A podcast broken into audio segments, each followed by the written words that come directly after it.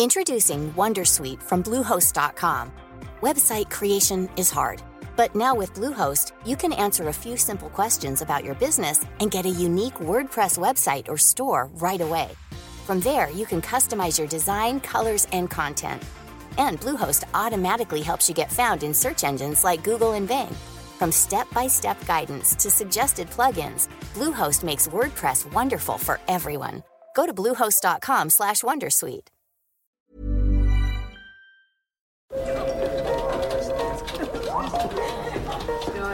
Dette er lyden av norsk næringsliv.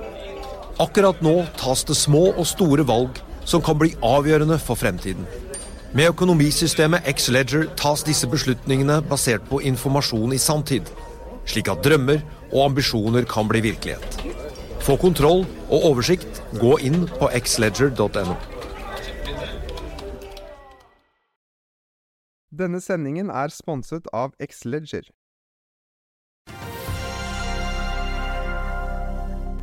Det er eh, rentemøtenes uke. Det blir rentemøte i USA på onsdag og Norges Bank på torsdag. Og Skatek henter ny finansdirektør fra Hightech Vision, og de er ikke de eneste som henter en toppleder fra der i gården. Og ABGs norgessjef slutter og flytter til Sveits. Det er mandag 12.12. Velkommen til Børsmorgen.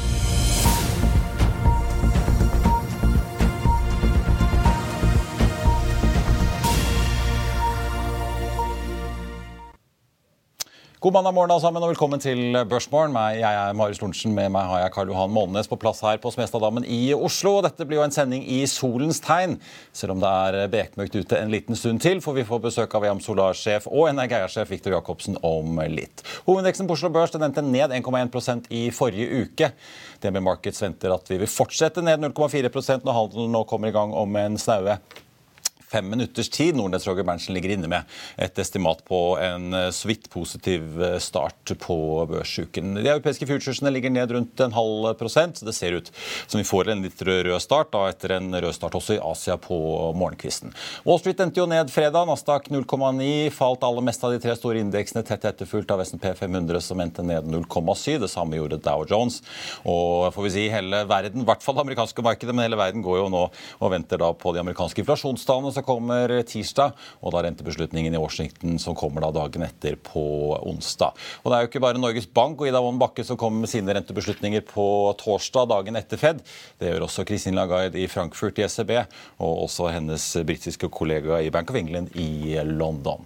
I Asia som jeg nevnte, så løftet stemningen seg i forrige uke med lettelser i Kinas koronatiltak, men i dag er det rødt. Hang Seng-indeksen ligger an til å stenge ned et par prosent, mens Nikkei-indeksen i Japan falt Eh, noe mindre enn det. Oljeprisen ligger fortsatt solid under 80 dollar eh, fatet, 76,42 i spotmarkedet, ned 0,27 da fra sluttkursen på fredag. Den amerikanske lettoljen så vidt over 71,50.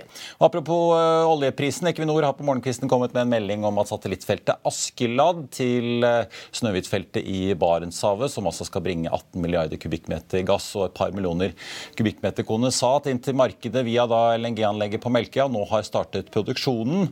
Utbyggingen ble levert til eh, tidsplan ifølge Equinor av 650 millioner kroner under det opprinnelige kostnadsestimatet på 5,2 milliarder. Det står jo i kontrast til resten av prosjektporteføljen, der eh, selskapet har vært tydelig på at kostnadene er på vei oppover. Hydrogenselskapet Hynion melder at deres hydrogenstasjon i Gøteborg nå har fått grønt lys til å starte opp, så dermed får de eh, litt inntektsstrøm der. Og et par andre aksjer som det er verdt å ha, verdt å ha et øye med i løpet av eh, dagen. En er Kitron, elektronikkprodusenten. De skal ha en kapitalmarkedsoppdatering i morgen, etter at de da sent torsdag slapp en, eh, et positivt resultatvarsel hvor de jekker opp prognosene både for omsetningen og resultatet sitt i år. Denne aksjen suste jo opp 9,5% Og så er det da på fredag. Og så er det da Nordic Nanovektor. Styret der stiller ikke til gjenvalg etter da beslutningen på generalforsamlingen her på tampen av forrige uke, der eh, forslaget til fusjon med Apim i Trondheim ble stemt ned. Og selskapets eh, konstituerte sjef og finansdirektør Marlene Brondberg vil også gå av. Det er eh, mange jobbbytter å melde om i dag. Prime meldte søndag kveld at selskapet, eh, finans, selskapets finansdirektør Manuel Altoff vil gå av med virkning fra 31.12. Men Karl Johan, flere tror jeg merker seg at eh, norgessjefen Petter Straume i ABG nå takker for seg og flytter til Sveits, selv om han ikke slutter i ABG?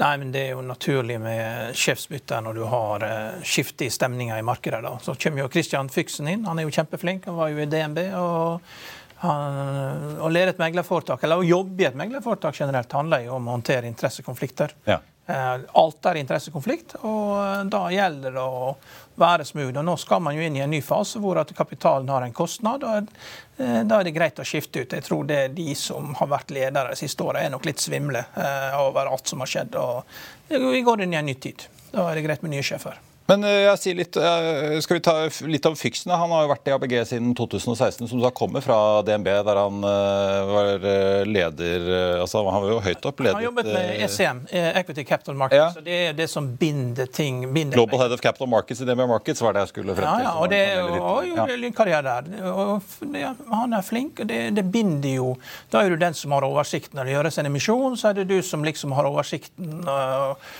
på hvor mye som er solgt på de ulike kontorene kontorer, og du får en veldig god oversikt da, eh, på hva som skjer. og eh, DNB er jo veldig likt eh, ABG i setupet. Alexander Opstad jobbet jo i ABG og er inspirert av ABG på satsinga på Sverige. Der, ja. og, og det, så det er ikke så ulike organisasjoner sånn sett.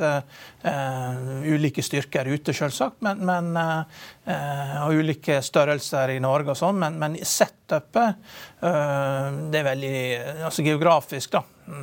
Uten noe sånn finlandskontor og uten noe Danmark-kontor. Ja. Altså, samme type geografisk setup. Men det viktigste er at Fyksen er en veldig flink fyr, og dette kommer han til å håndtere veldig fint.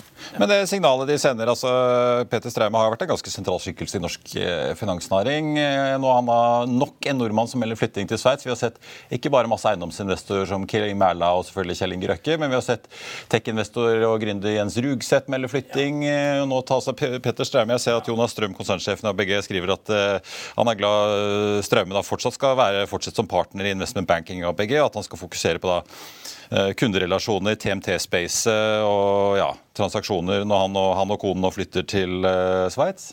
Ja, men det, det, går sikkert bra. Det er litt annen måte å jobbe på. Det går helt sikkert fint. Ja. Det, det, det, er klart, eh, Han er jo en ung mann, og han skal sikkert bare være der nede i fem år. og kommer tilbake når han skal liksom få sørge for at gevinstene blir skattefrie. Han kommer sikkert tilbake. For det, det, Sveits er jo det eneste landet du som nordmann føler det er dyrt å bo i. altså Du, du virkelig, du får vondt når du er ute på restaurant og får regninger. Sånn, det er liksom, dette her er feil. Liksom. Ja. Det er dyrt. Selv for oss er det dyrt. Ja, og han er, sunn, han er sunnmøring. ikke sant? Ja. Så det, hvis han skal toppen av lykken med alle pengene sine, må han flytte og bo i, nede i Strømstad, nær Nordby senter, der ting er liksom 80% avslag på alt. og Det er toppen av lykken. Der det også å spare på formuesskatten? Ja, ikke sant? Det, da, det, det, det, er den type, for det, gjør vondt altså, å, å, å, se. Og fem år, det klarer han nok, men uh, ikke til evig tid. Det, blir bare for vanskelig. Nei, vi får se. Ja. Det er i hvert fall mange som uh, har kastet seg på i det siste. Vi må videre og snakke om, uh, for vi skal snakke om sol straks, ja. om Energeia og EAM Solar. Men vi må innom en annen stor fornybar aktør på Oslo Børs, Scatec, som plutselig melder om bytte av finansdirektør. Ja, de har jo hatt en stilling ute, da, og han som kommer inn, han har jo 25 år i Equinor. Hans Jakob Hegge, ja. for de som ikke har lest nyheten? Ja, og, og inkludert av et leder for Equinor i USA. Så... Og han er finansdirektør i Equinor. Han ja. har stort sett eh, rotert gjennom veldig mange av de topposisjonene. Så det, det, er bare å se på markedsverdien da på, på Scatec. Det er 13 milliarder kroner. Og, og, markedsverdien på Equinor er 1013 milliarder. Så det er 100 ganger så stort. Ja. Og de har vel også like mye kontanter på bok, Equinor. Da. Så eh, det, jeg tror det Scatec Scatec har jo levd i en sånn boble siden de kom på børs. da Det var veldig trang fødsel. Og så, så gikk det veldig raskt oppover da, til at du liksom hadde 40-50 milliarder i market cap. Og nå har de 13 milliarder, og så prøver de å lansere investeringsprogram på 10 milliarder kroner. og Selv unge analytikere sier hei, stopp en halv, dette her går jo ikke. Dere har jo altfor store ambisjoner i forhold til markedsverdien. Og Da er det naturlig at Equinor ser på dette. Det vil være helt naturlig at Equinor kjøper Scatec i løpet av neste år. eller Den nye CFO-en må komme Ja, For de er jo storaksjonær i dag. De er storaksjonær. Ja. Den nye CFO-en kommer inn, og han må gå gjennom alt. Det, dette her er nesten som en due diligence, eh, slik jeg ser at de, de, de finner ut Han bruker kanskje et halvt år på å finne ut alt som er i Skatek. For det er vanskelig struktur. vet Du Du har sånn special purpose-selskaper. Hjørnet ja, og.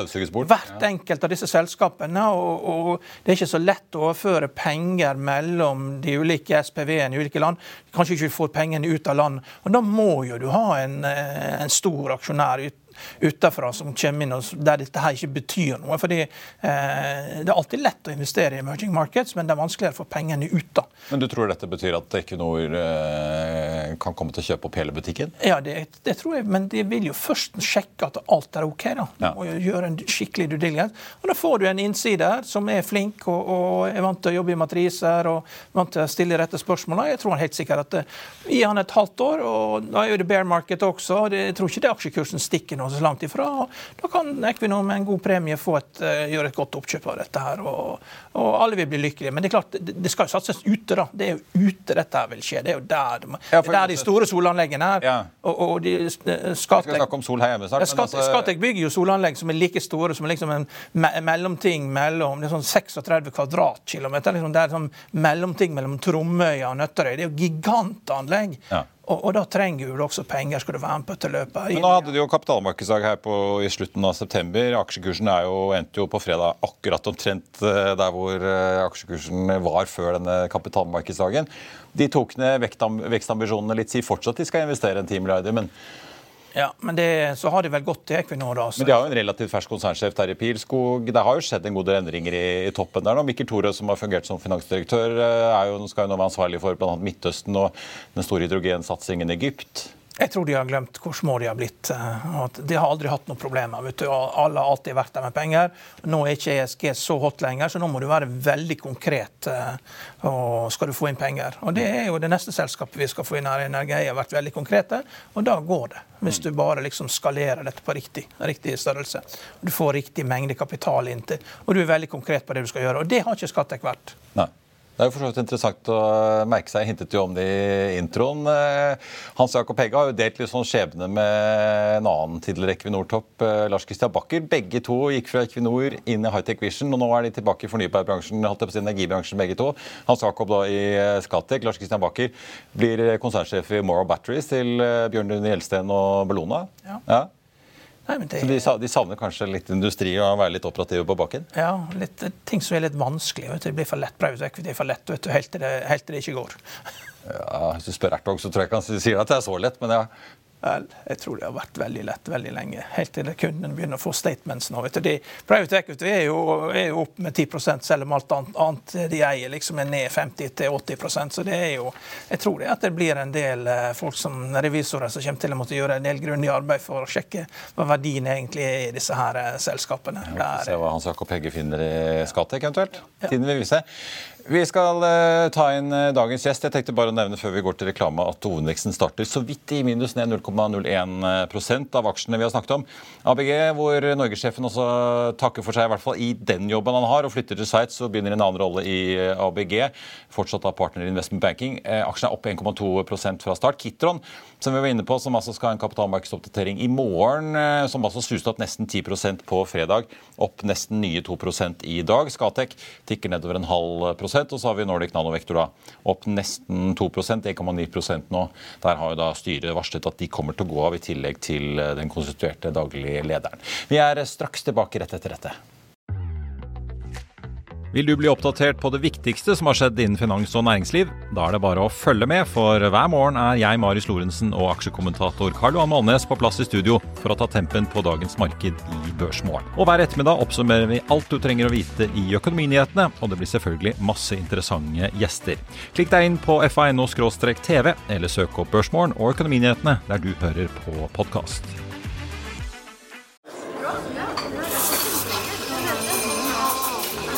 Dette er lyden av norsk næringsliv. Akkurat nå tas det små og store valg som kan bli avgjørende for fremtiden. Med økonomisystemet X-Leger tas disse beslutningene basert på informasjon i samtid, slik at drømmer og ambisjoner kan bli virkelighet. Få kontroll og oversikt. Gå inn på xledger.no. Denne episoden er sponset av van Brun, en fremtredende smykkeforhandler kjent for sitt brede utvalg av forlovelsesringer, gifteringer og diamantsmykker som bæres og elskes i generasjoner. Et frieri er en av de største øyeblikkene i livet, hvor forlovelsesringen er et tidløst symbol på kjærligheten. Valg av ring krever omtanke for både hvilket metall og diamant. Med et bredt spekter av både naturlige og labdyrkede diamanter, og metaller som platina, gult gull, hvitt gull og roségull, hjelper de deg med å sette et personlig preg på din kjærlighetshistorie. Van Brun vil gjerne invitere deg til å prøve på tre av dine favorittringer fra nettsiden helt kostnadsfritt. Du kan også låne et bredt spekter av frieriringer, slik at du og din forlovede kan velge en ring sammen etter det store ja. Van Brun tilbyr 90 dagers åpent kjøp og 90 dagers gratis størrelsesjustering. Utforsk deres eksklusive sortiment i luksuriøse omgivelser. Bok en konsultasjon sammen med en diamantekspert i deres showroom i Oslo. Eller online på vanbrun.com. V-a-n-b-r-u-u-n.com.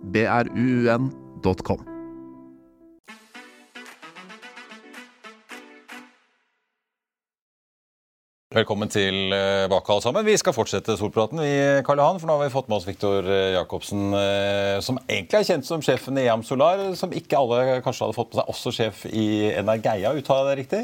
Det er korrekt. Ja. Dere, så, du, så du leder jo da et selskap som skal på børs, som mange kjenner til driver bl.a. solparker i, Reie, solparker i Italia. Korrekt. Eh, og nå skal du med et nytt selskap på børs. Hva driver Energeia med? Energeia, vi har, vi har driftet, eid, kjøpt, solgt, bygget solkraftverk i over 11 år. Det er det vi driver med til daglig. Det er det som betaler lønna til meg og mine kollegaer. Ja. Så det er, det er vår kjernevirksomhet. Uh, og i løpet av de siste to og et halvt årene så har vi begynt å bygge opp en portefølje i Norge med potensielle prosjekter, i tillegg til den aktiviteten som vi har i Nederland. Uh, og nå har vi jo da fire prosjekter som er begynnende konsesjonsprosess, og så har vi fire til som kommer inn i begynnende konsesjonsprosess. Og dette er såpass store og omfattende prosjekter, vi snakker om milliardinvesteringer, så da var det riktig å ta selskapet Energeia på børs og gjøre investorene kjent med selskapet før vi da skal hente kapital når vi skal ta byggebeslutning. Forhåpentligvis slutten av neste år, senest 2024. Men er det da geografien som er primærskillet mellom EAM Solar og Energia? Ja, EAM Solar ble jo ødelagt av denne bedrageriet i 2014. Og rettsprosessene har jo tatt vinter og vår, for å si det mildt, og vi er jo ikke ferdige ennå. Sånn at EM Solar ASA som selskap er uegnet til å drive normal, vanlig forretningsvirksomhet PT. Men i Energeia EM Solar ASA er jo eid 40% av Energeia-aksjonærer, som har vært aksjonærer i Energeia siden 2011. Så vi valgte i sommer å ta med oss alle EM Solar ASA-aksjonærene med på reisen i Energeia. Men det er et veldig tydelig skille mellom de to selskapene. Og geografisk fokus definitivt forskjellig. I Energeia så fokuserer vi på Norge og Nederland. Ja, for Dere skal jo nå etter planen da, bli notert om ikke mange dagene? Hvis alt går etter planen, så har vi første noteringsdag i morgen. Ja. Da er det vår Bank i bordet, fått jeg på å si. Vi får håpe at Televerket Oslo Børs er i gang. men jeg forteller litt, Du var litt inne på finansieringen her. Jeg har jo nå hentet, inkludert opsjonen på toppen, totalt av 100 millioner kroner Ja. brutto i friske penger inn her. 100 millioner basert på en pre-money på 200 millioner. Så vi er et lite 300 millioner kroners selskap i morgen når vi åpner. Men det skal da drive selskapet frem til dere virkelig må hente store penger for å bygge disse solparkene i Norge? da? Ja, vi, vi har allerede kraftverk i drift som er lønnsomme. eh, Og de 100 millionene de skal vi bruke nå på å kjøpe operativ kapasitet og, og plattform i Nederland. Kjøper et installatørselskap. Gammelt, godt, veldrevet uh, selskap som leverer positive resultater. Uh, Vi gjør morselskapet gjeldfritt. 100 egenkapitalfinansiert. Uh, Og så har vi litt eh, kall det reserve til overs i forhold til den for, forretningen, altså eh, utviklingen av prosjekter i Norge og Nederland. Så det er i hovedsak det vi skal Det er jo litt interessant, Karl Johan. Vi, ja. vi hadde jo Magnoras eh, arbeidende sideleder på besøk innom huset for ikke så lenge siden. De satser også på sol i Norge. Ja, men det, det, Du får en fornuftig størrelse på det. Hvor, hvor stort er det skal bygge med de anleggene til sammen? Victor? Det, det vi har, eh, det vi har eh, foreløpig meldt inn til NVE, det er fire kraftverk på totalt litt i underkant av 400 megawatt. Så det er jo store kraftverk, dette her. Og I tillegg til det så har vi jo da signerte avtaler på nesten 1000 megawatt. Med prosjekter, eh, stort sett i Innlandet. Men vi ser jo nå på hele Norge. Dette skal du eie sammen med et norsk kraftselskap? Ja, vi, vi, eh, vi, Litt tilfeldighetenes spill så startet vi på Innlandet. Der er det mye areal.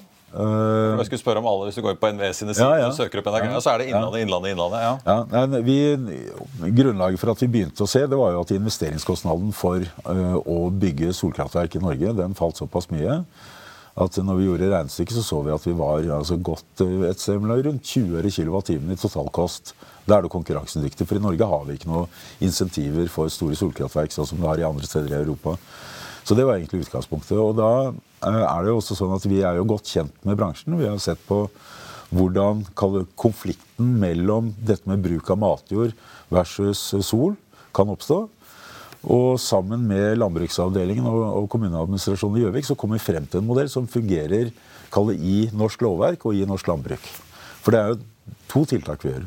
Det er både landbruk og sol i samdrift. Såkalt agrivoltaics. Ja, for Forklar liksom, hvordan skal dette se ut på bakken, egentlig?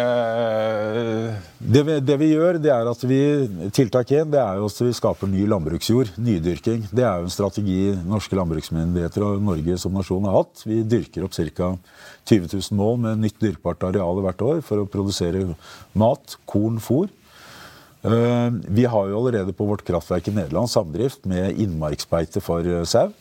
Sammen med solkraftverket. Og Vi har jo sett da på den modellen der hvor jordsmonnet er sånn egnet. Vi har et prosjekt på Østre Toten, eh, store potetkommunen, hvor vi ser at jordsmonnet er sånn at vi også kommer til å kjøre et prøveprosjekt med dyrking av grønnsaker, eventuelt korn, sammen med sol på det samme arealet.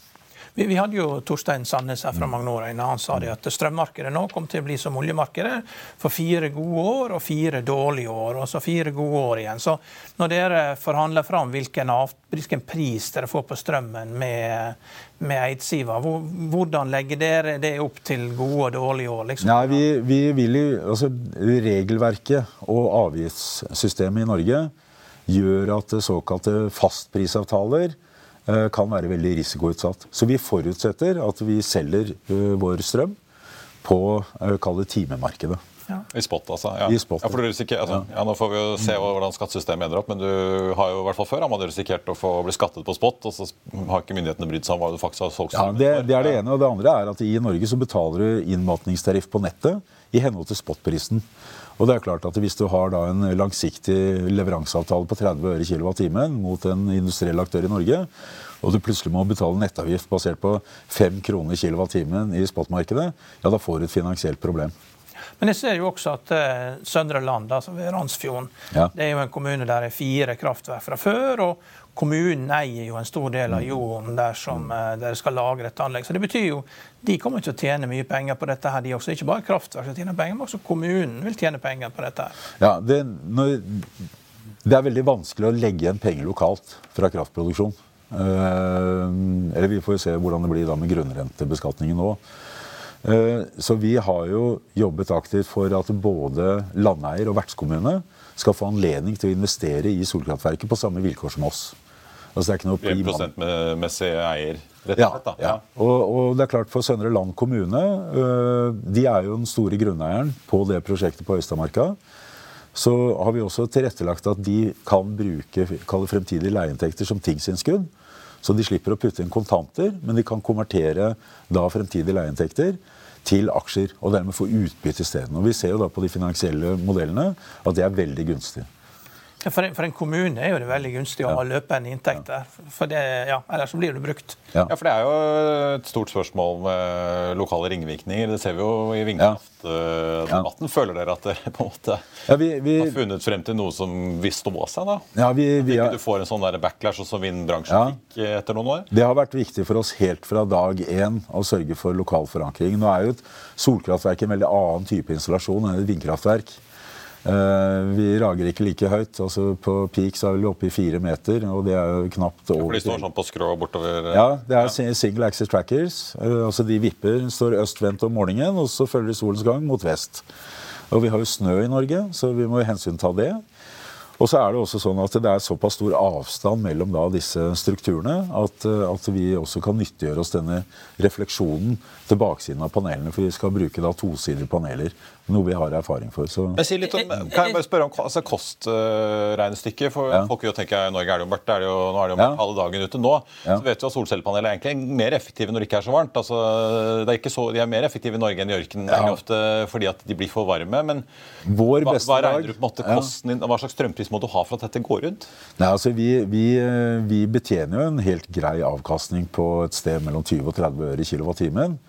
Eh, På 70 øre kWt, som er innslagspunktet for denne her ekstraordinære beskatningen som er foreslått av regjeringen, så har jo vi en egenkapitalavkastning på godt over 25% direkte utbytte hvert eneste år. Så det er en veldig lønnsom forretning for disse anleggene.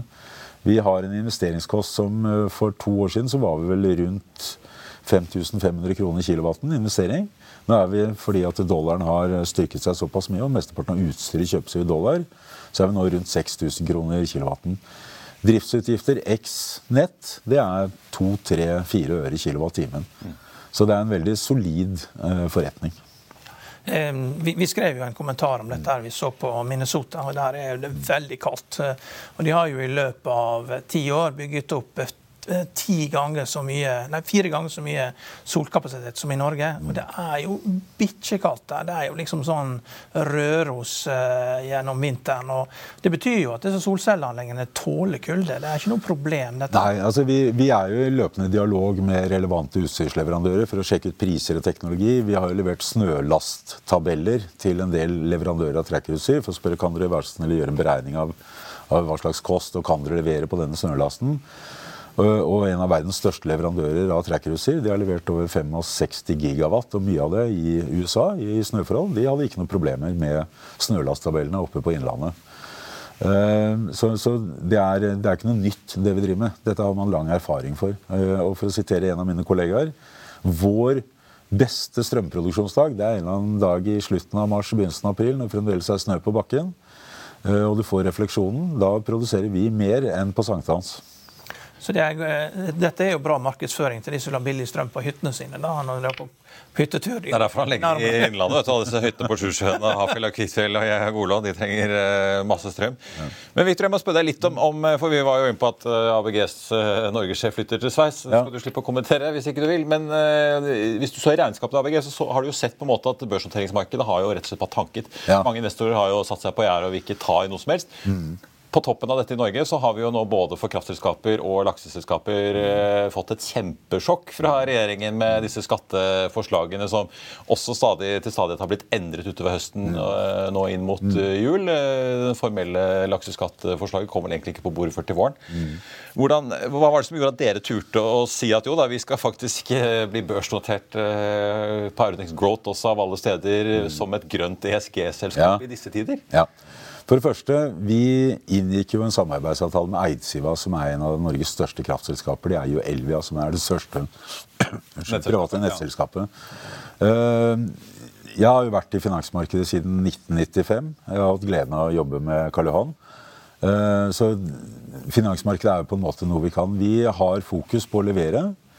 Ehm, Så, så for oss så var ikke det egentlig noe sånn diskusjon om markedet er riktig og sånn. Vi har ikke forsøkt å, å få til en så høy verdivurdering som mulig. Det som er viktig for meg, som da inntil eh, nylig var største aksjonær, det er at de nye aksjonærene som kommer inn, at de får en god reise.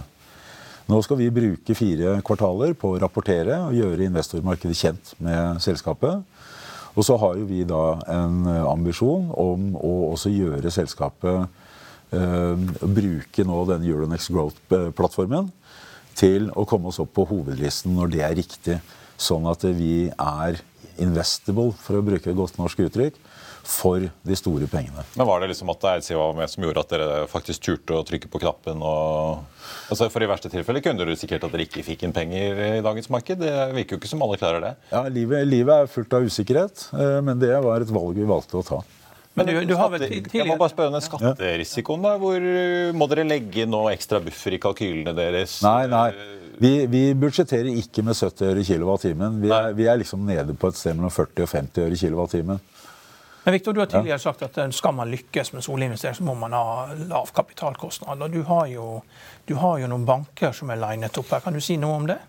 Ja, vi, vi, har jo etablert eh, i forbindelse med våre prosjekter i, i, Nederland, så har vi etablert et godt forhold til eh, Hamburg Commercial Bank.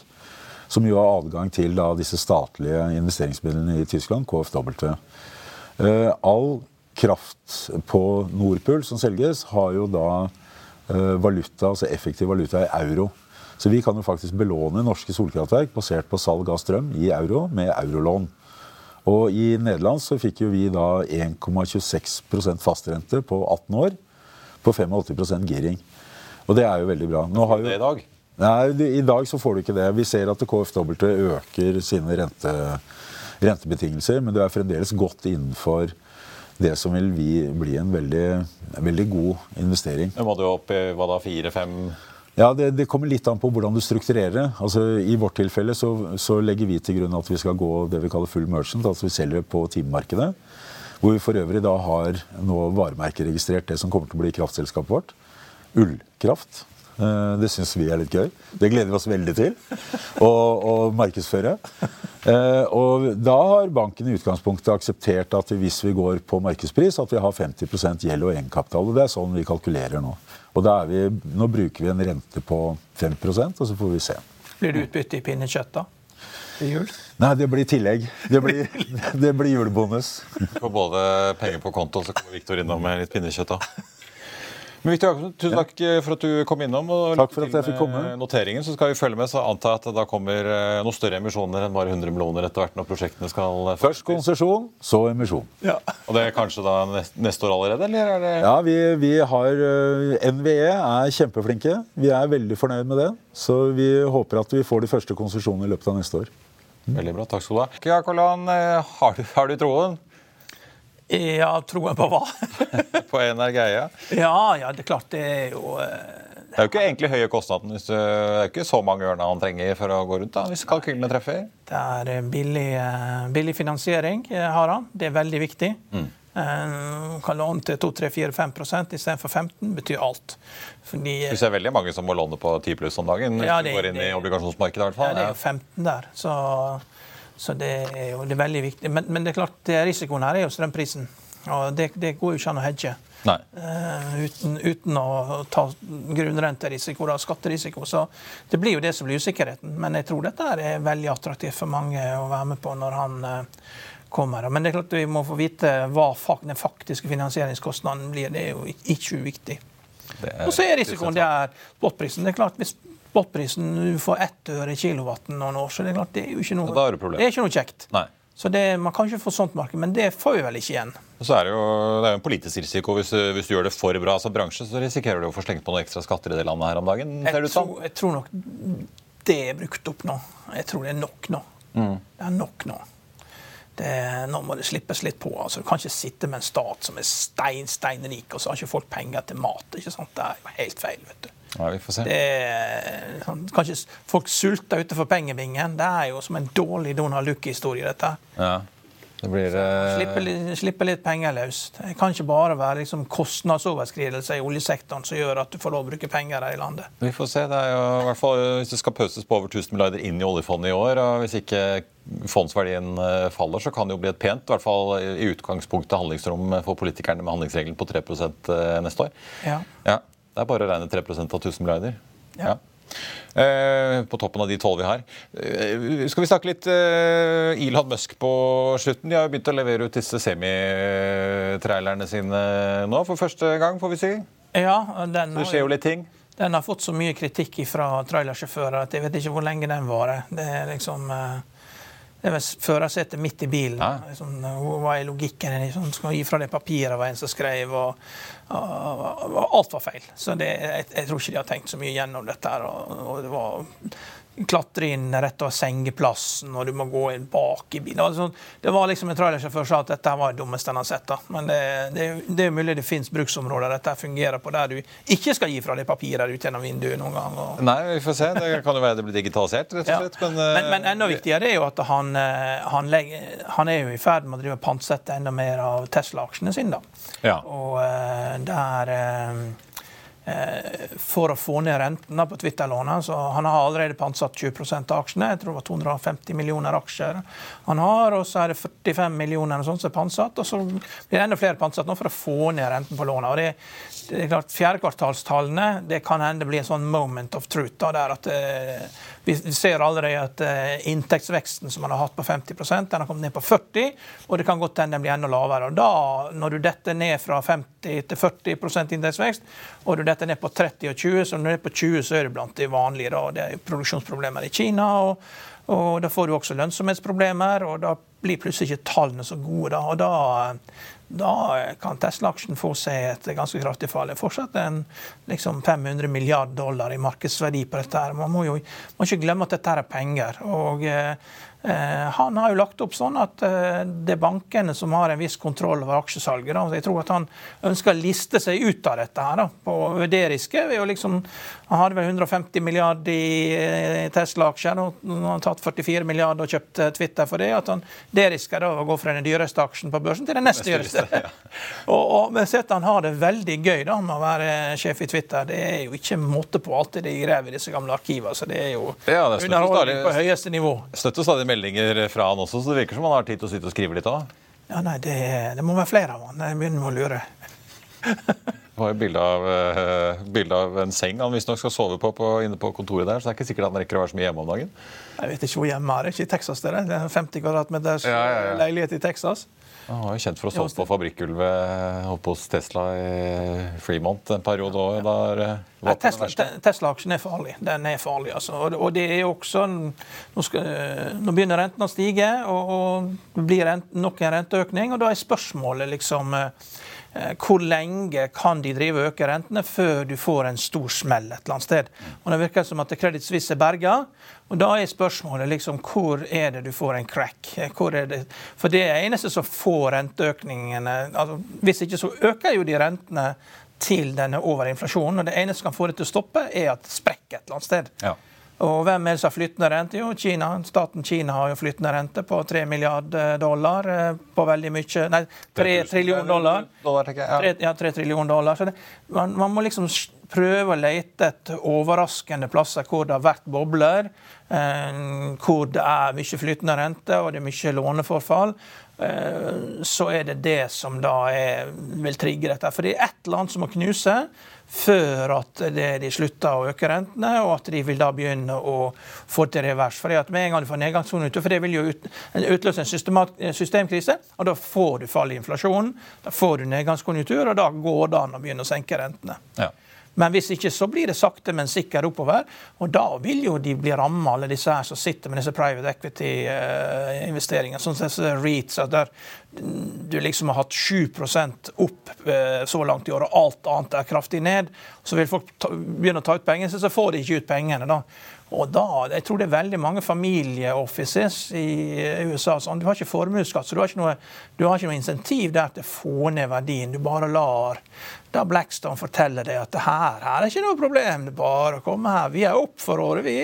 Det er jo ikke sant. Det var jo åpenbart mange som la ut penger av disse ja, av dette eiendomsfondet til pengene, og... var vel, ja, var Blackstone, var det ikke? På, med 69 milliarder dollar under forvaltning. Ja, Der satte de tak på uttak. Ja, sånne alternative investeringer. Det skal kanskje bare være 5% av porteføljen din. og Enkelte steder så er det 30 og 40 og en del folk da oppdager det at de, har mye mindre i verdi enn de trodde, og det er mye mindre likvide enn de trodde. Du kan jamføre med eiendomsfondet her i Norge. Sant? Det er en del folk som våkner opp og så får du brev om enten så betaler du inn tre millioner kroner, eller så er du virkelig utvanna. Da har du faktisk en sjanse til å gjøre noe med det.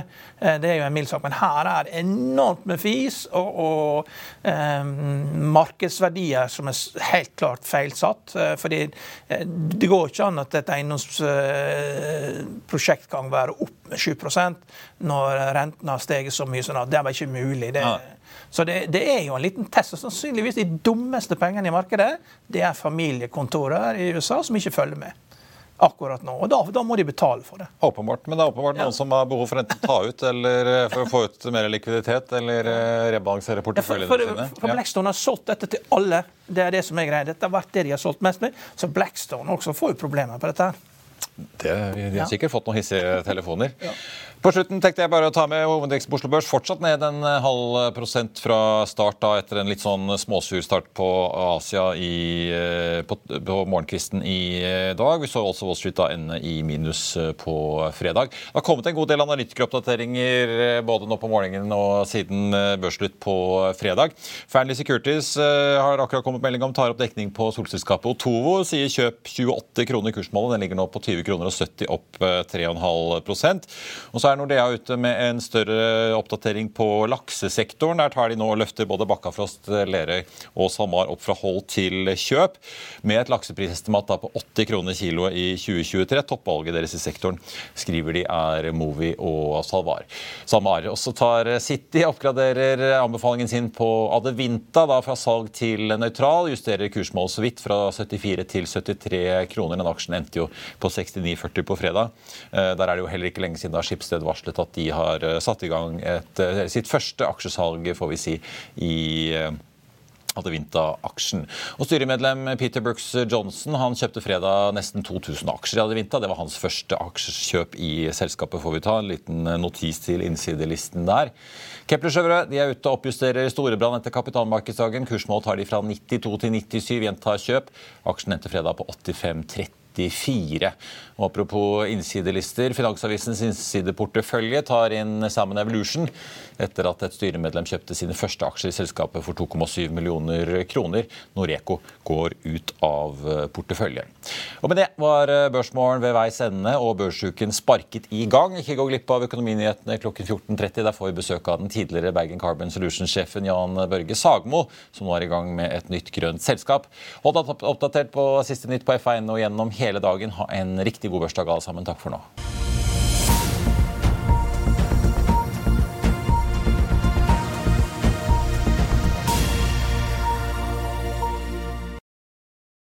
Denne sendingen er sponset av Xleger.